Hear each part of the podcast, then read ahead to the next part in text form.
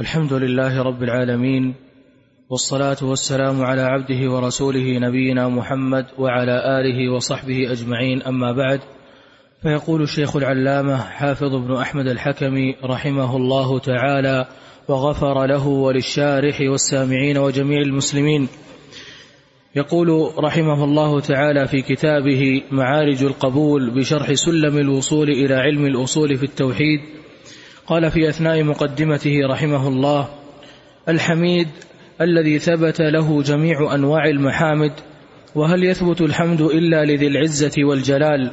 فله الحمد كما ي... فله الحمد كما يقول وخيرا مما نقول لا نحصي ثناء عليه هو كما أثنى على نفسه وكيف يحصي العبد الضعيف ثناء على العلي الكبير؟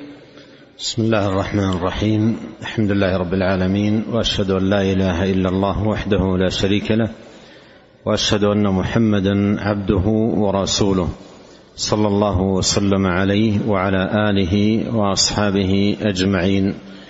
اللهم علمنا ما ينفعنا وانفعنا بما علمتنا وزدنا علما وأصلح لنا شأننا كله. لا إله إلا أنت. أما بعد اسم الله تبارك وتعالى الحميد كما ذكر المصنف رحمه الله تعالى فيه إثبات جميع أنواع المحامد إثبات جميع أنواع المحامد لله سبحانه وتعالى. وحمد الله جل وعلا نوعان حمد له عز وجل على اسمائه الحسنى وصفاته العليا فله عز وجل على كل اسم من أسمائه وكل صفة من صفاته حمد. فله جل وعلا الحمد على سعة علمه وسعة رحمته وسائر أسمائه وصفاته. والنوع الثاني حمد له سبحانه وتعالى على نعمه ومننه وعطاياه التي لا تعد ولا تحصى. فله تبارك وتعالى على كل نعمة أنعم بها على العبد في قديم أو حديث أو سر أو علانية أو خاصة أو عامة حمد.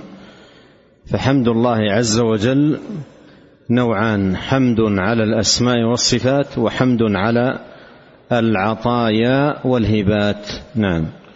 قال رحمه الله المحصي الذي أحصى كل شيء عددا وهو القائل وكل شيء أحصيناه في إمام مبين. المبدئ المعيد. الإمام المبين اللوح المحفوظ. نعم. المبدئ المعيد. الذي قال وهو أصدق القائلين كما بدأنا أول خلق نعيده وعدا علينا إنا كنا فاعلين وهو الذي يبدأ الخلق ثم يعيده وهو أهون عليه وأنى يعجزه إعادته وقد خلقه من قبل ولم يك شيئا كل يعلم ذلك ويقر به بلا نكير. المحيي المميت الذي انفرد بالإحياء والإماتة فلو اجتمع الخلق على إماتة نفس هو محييها أو إحياء نفس هو مميتها لم يكن ذلك ممكنا وهل يقدر المخلوق الضعيف, الضعيف على دفع إرادة الخالق العلام؟ الحي الدائم الباقي الذي لا يموت وكل ما سواه زائل كما قال تعالى كل من عليها فان ويبقى وجه ربك ذو الجلال والإكرام. الحي فيه ثبوت الحياة لله عز وجل الحياة الكاملة الدائمة التي لم يسبقها عدم ولا يلحقها فناء ولا يعتريها نقص. ومن كان كذلك هو وحده الذي يستحق, يستحق العبادة وأن يلتجأ إليه. ويعتصم به فتوكل على الحي الذي لا يموت. الله لا إله إلا هو الحي القيوم. هو الحي فادعوه مخلصين له الدين. الحمد لله رب العالمين. فالحي هو الذي يدعى وهو الذي يتوكل عليه وهو الذي تصرف له العبادة وهو الذي يلتجأ إليه. الحي القيوم. الذي لا يموت. ومن سوى الله سبحانه وتعالى فهو إما حي سيموت أو حي قد مات أو جماد لا حياة له. هذه أنواعهم ثلاثة إما حي سيموت أو حي قد مات أو جماد لا حياة له. وكل هؤلاء لا يستحقون من العبادة شيء. وإنما المستحق للعبادة الحي الذي لا يموت وهو الله رب العالمين. ولهذا قال أبو بكر الصديق رضي الله عنه لما مات النبي عليه الصلاة والسلام من كان يعبد محمدا فإن محمدا قد مات. ومن كان يعبد الله فإن الله حي لا يموت. مشيرا بذلك إلى هذا الأصل العظيم وهو أن العبادة للحي الذي لا يموت. الله سبحانه وتعالى رب العالمين. فالحي فيه ثبوت الحياة الكاملة التي لم يسبقها فناء ولا يلحقها عدم ولا يعتريها نقص المستلزمة لثبوت صفات الكمال لله سبحانه وتعالى. نعم.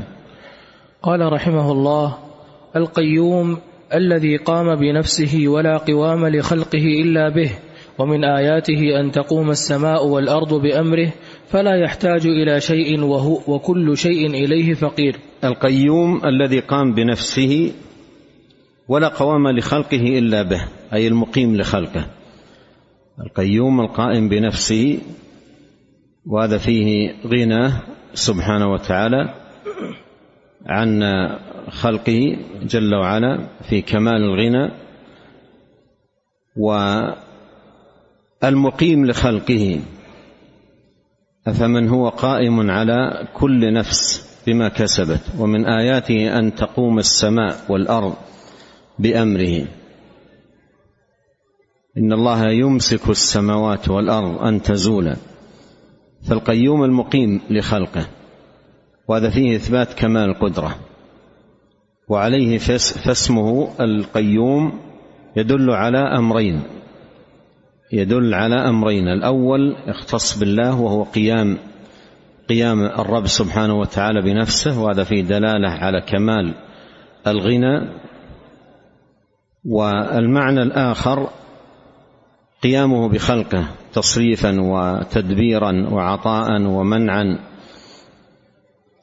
ولهذا قالوا إن جميع الصفات الفعلية راجعة إلى هذا الاسم القيوم كما أن جميع الصفات الذاتية راجعة إلى الاسم الذي قبلها الحي وإلى هذين الاسمين الحي القيوم ترجع جميع الصفات فالصفات نوعان ذاتية ومردها إلى اسمه الحي وفعلية ومردها إلى اسمه تبارك وتعالى القيوم. نعم. قال رحمه الله الواحد الأحد الذي لا شريك له في إلهيته وربوبيته وأسمائه وصفاته وملكوته وجبروته وعظمته وكبريائه وجلاله لا ضد له ولا ند له ولا شبيه ولا كفء ولا عديل. الواحد الأحد فيهما إثبات الوحدانية والأحدية والتفرد. وأن الله سبحانه وتعالى في صفاته لا ند له وفي أفعاله سبحانه وتعالى لا شريك له ووحده الرب المعبود فلا معبود بحق سواه. نعم. الصمد الذي يصمد إليه جميع الخلائق في حوائجهم ومسائلهم فهو المقصود إليه في الرغائب. ودين الله سبحانه وتعالى يسمى التوحيد أو توحيدا لأن مبناه على الوحدانية وحدانية الرب سبحانه وتعالى في ألوهيته وأسمائه وصفاته وربوبيته. فلا قيام للدين إلا على هذا لا قيام للدين إلا على الوحدانية والإفراد إفراد الله سبحانه وتعالى بالعبادة. نعم. الصمد الذي يصمد إليه جميع الخلائق في حوائجهم ومسائلهم فهو المقصود إليه في الرغائب المستغاث به عند المصائب فإليه منتهى الطلبات ومنه يسأل قضاء الحاجات وهو الذي لا تعتريه الآفات وهو حسبنا ونعم الوكيل. فهو السيد الذي قد كمل في سؤدده والعظيم الذي قد كمل في عظمته والحليم الذي قد كمل في حلمه والعليم الذي قد كمل في علمه والحكيم الذي قد كمل في حكمته وهو الذي قد كمل في الصف وهو الذي قد كمل في صفات الكمال. ولا تنبغي هذه الصفات لغير الملك الملك الجليل. الصمد اسم الله تبارك وتعالى الصمد. له معنيان كما هو واضح في بيان الشيخ رحمه الله. الأول اختص بالله سبحانه وتعالى وهو كمال صفاته كمال علمه وكمال حلمه وكمال حكمته وكمال رحمته وكمال سودده سبحانه وتعالى. وهذا المعنى جاء عن ابن عباس رضي الله عنهما في في بيانه لمعنى اسم الله تبارك وتعالى الصمد. والمعنى الآخر يتعلق بالعباد في افتقارهم إلى الله وصمودهم إليه في حاجاتهم. فالصمد الذي تصمد إليه الخلائق أي تلجأ إليه وتفتقر إليه ولا غنى لها عنه طرفة عين. نعم. القادر المقتدر. مثل ما قال رحمه الله الذي يصمد إليه جميع الخلائق في حوائجهم ومسائلهم فهو المقصود إليه في الرغائب المستغاث به عند المصائب فإليهم منتهى الطلبات. هذا من معاني الصمد. نعم. القادر المقتدر الذي إنما أمره إذا أراد شيئا أن يقول له كن فيكون. وما قوله, قوله فهو السيد ثم قوله هو الحكيم هذه ليست فقرات جديدة وإنما هي من معنى متعلقة بالصمد وهي من معنى الصمد. رسمها هنا يشير كأنها فقرات جديدة وهي متصلة بما قبلها. نعم. القادر المقتدر الذي إنما أمره إذا أراد شيئا أن يقول له كن فيكون. وما كان الله ليعجزه من شيء في السماوات ولا في الأرض إنه كان عليما قديرا. المقدم المؤخر بقدرته الشاملة ومشيئته النافذة على وفق ما قدره وسبق به علمه وتمت به كلمته بلا تبديل ولا تغيير. الأول فليس قبله شيء والآخر فليس بعده شيء. والظاهر فليس فوقه شيء والباطن فليس دونه شيء هكذا فسره البشير النذير.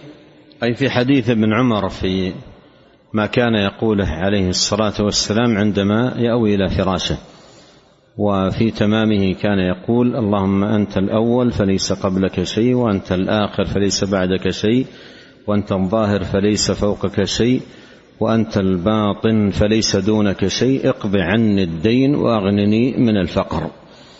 وهذا تفسير النبي صلوات الله وسلامه عليه لهذه الأسماء الأربعة من أسماء الله تبارك وتعالى الحسنى. نعم. الوالي فلا منازع له ولا مضاد. المتعالي عن الشركاء والوزراء والنظراء والأنداد. البر وصفا وفعلا. ومن بره المن على أوليائه بإنجائهم من عذابه كما وعدهم على ألسنة رسله إنه لا يخلف الميعاد. التواب. لعل لعلها والله أعلم الولي. لأن من أسماء من أسمائه تبارك وتعالى الحسنى الولي والمولى.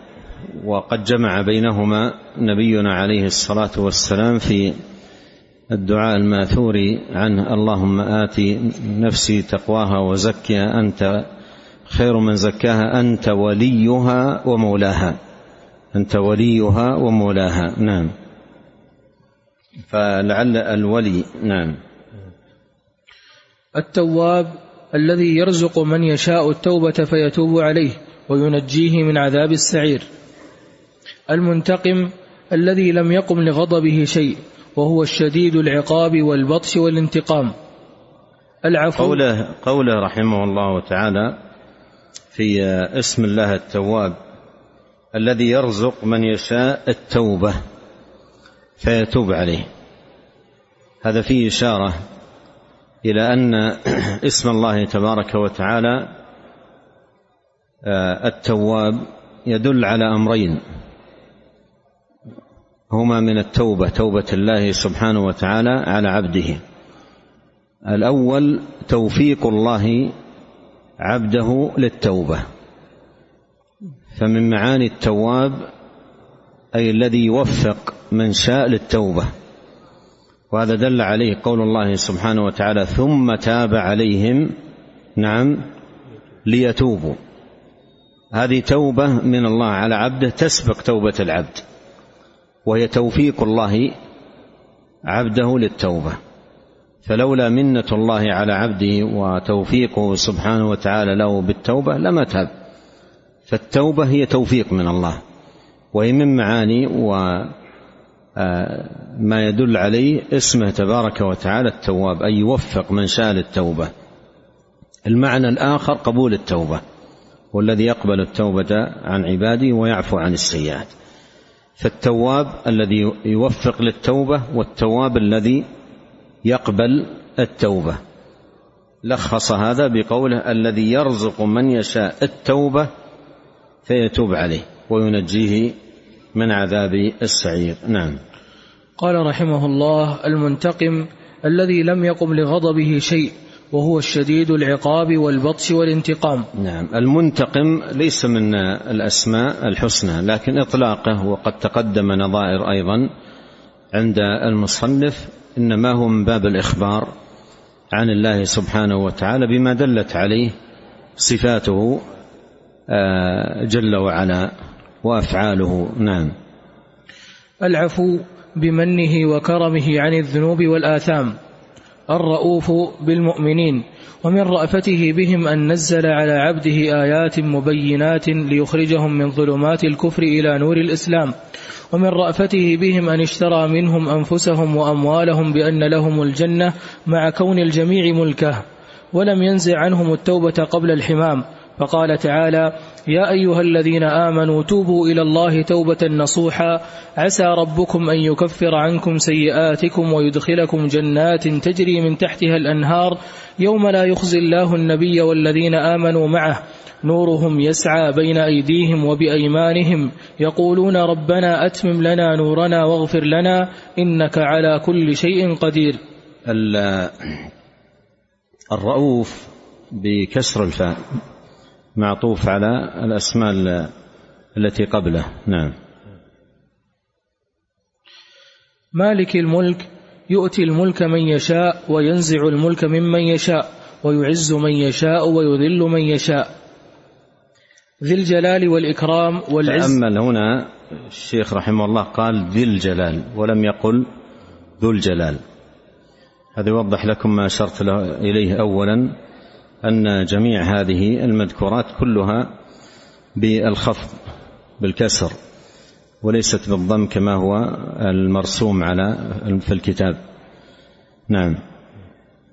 ذي الجلال والإكرام والعزة والبقاء والملكوت والجبروت والعظمة والكبرياء. المقسط الذي أرسل رسله بالبينات وأنزل معهم الكتاب والميزان ليقوم الناس بالقسط وما للظالمين من نصير. الجامع لشتات الأمور وهو جامع الناس. نعم يعني هذه كلها من الإخبار المقسط والمنتقم والجامع وليست من آه، عدها هنا على أنها من قبيل الأسماء. نعم. الجامع لشتات الأمور وهو جامع الناس ليوم لا ريب فيه إن الله لا يخلف الميعاد. الغني والمغني فلا يحتاج إلى شيء ولا تزيد في ملكه طاعة الطائعين ولا تنقصه معصية العاصين من العباد وكل خلقه مفتقرون إليه لا غنى بهم عن بابه طرفة عين وهو الكفيل بهم رعاية وكفاية وهو الكريم الجواد وبجوده عم جميع الأنام من طائع وعاص وقوي وضعيف وشكور وكفور ومأمور وأمير. نور السماوات والأرض ومن فيهن كما وصف نفسه بذلك في كتابه ووصفه به محمد عبده ورسوله وحبيبه ومصطفاه. وقال صلى الله عليه وسلم مستعيذا به أعوذ بنور وجهك الذي أشرقت له الظلمات وصلح عليه أمر الدنيا والآخرة أن يحل بي غضبك أو ينزل بي سخطك لك العتبى حتى ترضى ولا حول ولا قوة إلا بالله. فبصفات ربنا تعالى نؤمن ولكتابه ولكتابه وسنة رسوله نحكم وبحكم نحكم ولكتابه وسنة رسوله نحكم وبحكمهما نرضى ونسلم وإن أبى الملحد إلا جحود ذلك وتأويله على ما يوافق هواه إن الذين يلحدون في آياتنا لا يخفون علينا. أفمن يلقى في النار خير أم من يأتي آمنا يوم القيامة؟ اعملوا ما شئتم إنه بما تعملون بصير. الهادي الذي بيده الهداية والإضلال فلا هادي لمن أضل ولا مضل لمن هدى. من يهدي الله فهو المهتد ومن يضلل فلن تجد له وليا مرشدا. من يشاء الله يضلله ومن يشاء يجعله على صراط مستقيم. قل إن هدى الله هو الهدى ومن الناس من يجادل في الله بغير علم ولا هدى ولا كتاب منير. البديع الذي أبدع السماوات والأرض وما بينهما بلطيف صنعه وبديع حكمته بلا معين ولا مثال. الباقي الذي كل شيء هالك إلا وجهه فلا ابتداء لأوليته ولا, لآخر ولا لآخريته زوال. كما تقدم في اسمي الأول والآخر. نعم. الوارث الذي يرث الأرض ومن عليها وهو خير الوارثين وإليه المرجع والمآل فبإيجاده كل موجود كل موجود وجد وإليه كل الأمور تصير. الرشيد في كل أقواله وأفعاله فبالرشاد يأمر عباده وإليه يهديهم. الصبور الذي لا أحد أصبر منه على أذى سمعه ينسبون له الولد ويجحدون أن يعيدهم ويحييهم وكل ذلك بسمعه وبصره وعلمه لا يخفى عليه منهم شيء ثم هو يرزقهم ويعافيهم ذلك بأنهم لم يبلغوا نفعه فينفعونه ولا ضره فيضرونه وإنما يعود نفع طاعتهم إليهم ووبال عصيانهم عليهم واستغنى الله والله غني حميد زعم الذين كفروا أن لن يبعثوا قل بلى وربي لتبعثن ثم لتنبؤن بما عملتم وذلك على الله يسير. نعم هذا آخر ما ذكره رحمه الله تعالى من الأسماء والصفات في مقام الحمد حمد الله عز وجل على أسماء الحسنى وصفاته العليا الدالة على عظمته وجلاله وأتبع كل اسم منها بتعريف مختصر معونة على القارئ لاستحضار معنى آه، الاسم لأيضا تقوية جانب الحمد. حمد الله سبحانه وتعالى على هذه الأسماء العظيمة الدالة على كمال الرب وجلاله وعظمته سبحانه وتعالى وأنه أهل الحمد والثناء جل في علاه. نعم.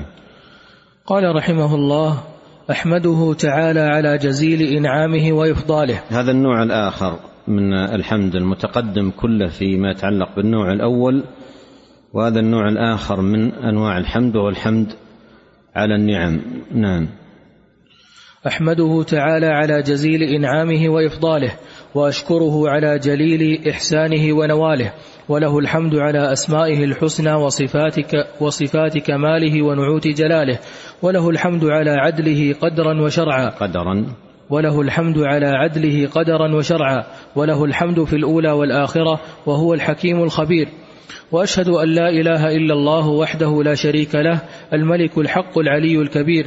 تعالى في وله الحمد على عدله قدرا أي في أقداره كلها عدل. لا ظلم فيها وأيضا شرعه كله حكمة وعدل. نعم. وأشهد أن لا إله إلا الله وحده لا شريك له الملك الحق العلي الكبير تعالى في إلهيته وربوبيته عن الشريك والوزير وتقدس في أحديته وصمديته عن الصاحبة والولد والوالد والولي والنصير وتنزه في صفات كماله ونعوت جلاله عن الكفء والنظير وعز في سلطان قهره وكمال قدرته عن المنازع والمغالب والمعين والمشير وجل في بقائه وديموميته وغناه وقيوميته عن المطعم والمجير. وأشهد أن سيدنا ونبينا محمدا عبده ورسوله البشير النذير المرسل إلى الناس كافة بالملة الحنيفية والهدى المنير. بعثه الله عز وجل رحمة للعالمين وأنزل عليه كتابه المهيمن والنور المبين والهدى المستبين والنهج المستنير والشرك مضطرمة أنواره طائر, شر... طائر شراره مرتفع غباره لا مغير له ولا نكير فقام بتبليغ الرسالة حق القيام وجاهد في الله حق جهاده إعلاء لكلمة الله الملك العلام حتى جاء الحق وزهق الباطل وأدبر ليل الكفر والضلالة وانفجر فجر الإيمان والإسلام ونشرت أعلام التوحيد وعلى بنيانه وأشرقت أنواره ونكست راية الشرك وانكسرت شوكته وخمدت ناره ورمي بناؤه بالدمدمة والتكسير والتدمير. صلى الله عليه وسلم وعلى آله وصحبه شموس الهداية وأوعية العلم وأنصار الدين القويم وتابعيهم والذين جاءوا من بعدهم يقولون ربنا اغفر لنا ولإخواننا الذين سبقونا بالإيمان ولا تجعل في قلوبنا غلا للذين آمنوا. ربنا إنك رؤوف رحيم.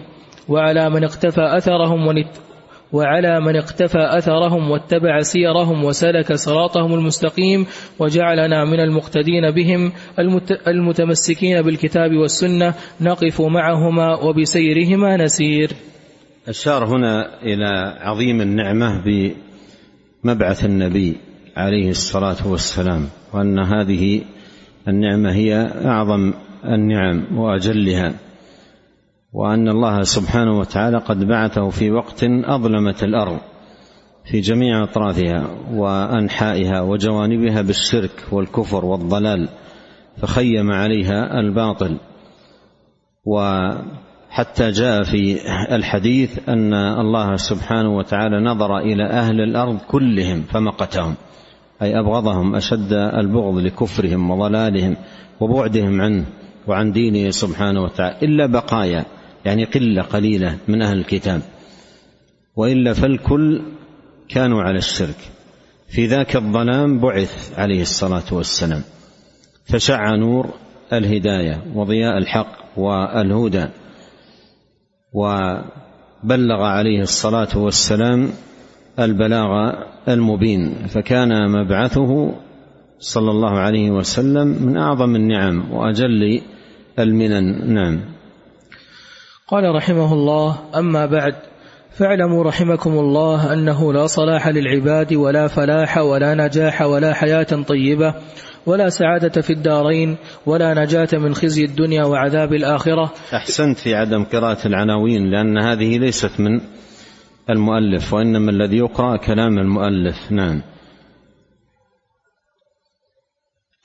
قال رحمه الله إلا بمعرفة أول مفروض عليهم والعمل به وهو الأمر الذي خلقهم الله عز وجل له وأخذ عليهم الميثاق به وأرسل به رسله إليهم وأنزل به كتبه عليهم ولأجله خلقت الدنيا والآخرة والجنة والنار وبه حقت الحاقة ووقعت الواقعة وفي شأنه تنصب الموازين وتتطاير الصحف وفيه تكون السعاء وفيه تكون الشقاوة والسعادة وعلى حسب ذلك تقسم الأنوار ومن لم يجعل الله له نورا فما له من نور. وذلك الأمر هو معرفة الله عز وجل بإلهيته وربوبيته وأسمائه وصفاته وتوحيده بذلك. ومعرفة ما يناقضه أو ومعرفة ما يناقض وذلك الأمر. وذلك الأمر هو معرفة الله عز وجل بإلهيته وربوبيته وأسمائه وصفاته وتوحيده بذلك. وتوحيده معطوف على المعرفة. وذلك الأمر هو معرفة الله بإلهيته وربوبيته وأسمائه وصفاته وتوحيده بذلك. نعم. وتوحيده بذلك ومعرفة ما يناقضه أو بعضه من الشرك والتعطيل والتشبيه والتشبه واجتناب ذلك والإيمان بملائكته وكتبه ورسله واليوم الآخر وبالقدر خيره وشره.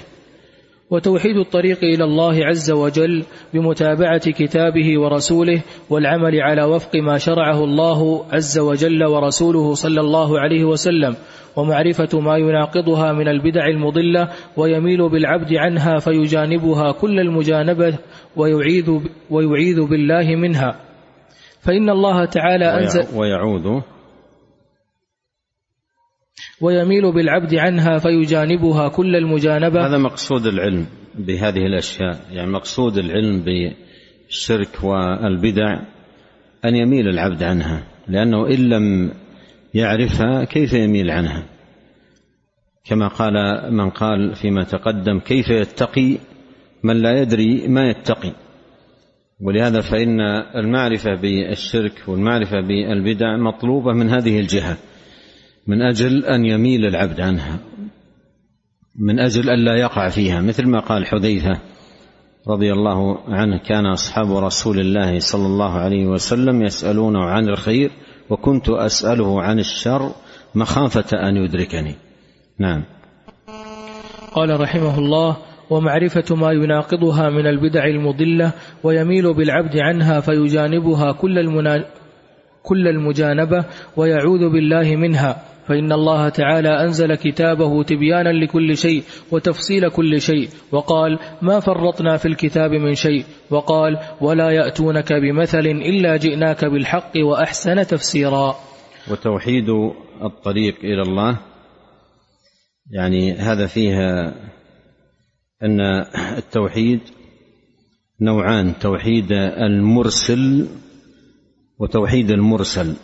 توحيد المرسل الله بالإخلاص وتوحيد المرسل أي الرسول بالاتباع الذي هو توحيد الطريق فيكون الطريق إلى الله واحد وهو ما بعث به صلوات الله وسلامه وبركاته عليه توحيد الطريق إلى الله بمتابعة كتابه ورسوله صلى الله عليه وسلم والعمل على وفق ما شرعه الله عز وجل ورسوله صلى الله عليه وسلم ومعرفة ما يناقضها من البدع. التوحيد الأول الذي هو توحيد المرسل سبحانه وتعالى مطلوب معه كما نبه الشيخ معرفة ما يناقضه من الشرك. والتوحيد الثاني الذي هو توحيد المرسل عليه الصلاة والسلام بمعرفة الشرع وأيضا معرفة ما يناقضه من البدع. فالذي يناقض التوحيد الأول الشرك والذي يناقض التوحيد الثاني البدع. والذي يناقض التوحيد الثاني البدع. ودين الله سبحانه وتعالى قائم على الإخلاص للمعبود والمتابعة للرسول عليه الصلاة والسلام. فعلى هذين الأصلين قيام دين الله. فليعمل عملا صالحا. ولا يشرك بعبادة ربه أحدا. على هذا قيام دين الله. ومقتضى الشهادتين. شهادة أن لا إله إلا الله وشهادة أن محمدا آه، رسول الله. قال ومعرفة ما يناقضها آه، من البدع المضلة. ويميل بالعبد عنها. ويميل بالعبد عنها. فيجانبها كل المجانبة ويعوذ بالله منها. أظن الله أعلم أن الباء زائدة ولعل أن تيسر لأحد يراجع ذلك. في الأصول يكون حسنا أو في الطبعات الأخرى ويميل العبد عنها فيجانبها كل المجانبة ويعوذ بالله منها. نعم. أحد معه غير الطبعة التي في أو طبعة قديمة؟ نعم. نفس ال... نعم قال نعم. رحمه الله وأرسل رسوله بذلك الكتاب مبلغا ومبينا ليقرأه, ليقرأه على الناس على مكث ويبينه لهم أتم البيان ويحكم فيما هم فيه يختلفون ويهديهم به إلى صراط مستقيم وقال تعالى ونزلنا عليك الكتاب تبيانا لكل شيء وقال تعالى ما كان حديثا يفترى ولكن تصديق الذي بين يديه وتفصيل كل شيء وهدى ورحمة لقوم يؤمنون. وقال تعالى وأنزلنا إليك الذكر لتبين للناس ما نزل إليهم ولعلهم يتفكرون. وقال تعالى وما أنزلنا عليك الكتاب إلا, إلا لتبين لهم الذي اختلفوا فيه وهدى ورحمة لقوم يؤمنون. وقال تعالى يا أهل الكتاب قد جاءكم رسولنا يبين لكم كثيرا مما كنتم تخفون من الكتاب ويعفو عن كثير. قد جاءكم من الله نور وكتاب مبين يهدي به الله من اتبع رضوانه سبل السلام ويخرجهم من الظلمات إلى النور بإذنه ويهديهم إلى صراط مستقيم. ولا شفاء للقلوب والأرواح ولا حياة لها إلا بطاعة الله تعالى ورسوله صلى الله عليه وسلم والاستجابة لله تعالى ولرسوله صلى الله عليه وسلم. قال الله تعالى يا أيها الذين آمنوا أطيعوا الله ورسوله ولا تولوا عنه وأنتم تسمعون ولا تكونوا كالذين قالوا سمعنا وهم لا يسمعون. إن شر الدواب عند الله الصم البكم الذين لا يعقلون. ولو علم الله فيهم خيرا لأسمعهم.